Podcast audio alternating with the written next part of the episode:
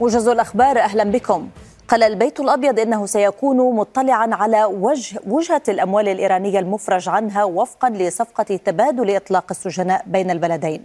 في المقابل نقلت وكالة فارس الإيرانية عن مصدر وصفته بالمطلع أن أصول إيران المجمدة من كوريا الجنوبية قد أودعت في بنك بسويسرا.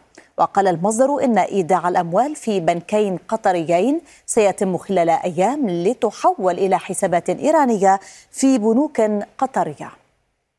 وقال وزير الدولة بوزارة الخارجية القطرية محمد بن عبد العزيز الخليفي للجزيرة قال إن الاتفاق الأمريكي الإيراني دليل على إمكانية تسوية خلافات المنطقة بالحوار وعبر عن أمل دولة قطر في أن تفضي الخطوة لاتفاق بشأن الملف النووي الإيراني. قال المتحدث باسم المجموعة الاقتصادية لدول غرب أفريقيا إكواس إن قادة جيوش المجموعة سيجتمعون الأسبوع المقبل لوضع الخطط اللازمة لتدخل عسكري محتمل في النيجر. هذا وقالت الخارجية الروسية أن التدخل العسكري في النيجر سيؤدي لمواجهة مطولة ويعزز الاستقرار في منطقة الساحل والصحراء حسب تعبير الخارجية الروسية.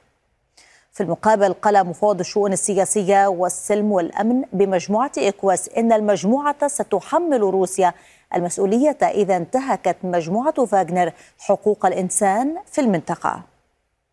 هذا وتجمع الآلاف من مؤيدي الانقلاب في النيجر قرب القاعدة العسكرية الفرنسية في العاصمة نيامي ورفع المتظاهرون شعارات مناهضة لباريس ولمنظمة إكواس. نقلت وكالة رويترز عن وزارة الدفاع الروسية قولها أن قواتها دمرت عشرين مسيرة أوكرانية أطلقت على شبه جزيرة القرم فجر اليوم السبت. قالت هيئة الأركان الأوكرانية أن القوات الروسية استهدفت أراضيها خلال الساعات الأربع والعشرين الماضية بخمسة صواريخ مجنحة وأحد وثلاثين غارة. وكانت القوات الجوية الأوكرانية قد قالت إن طائرة روسية قصفت العاصمة كييف بصواريخ من نوع كينجل.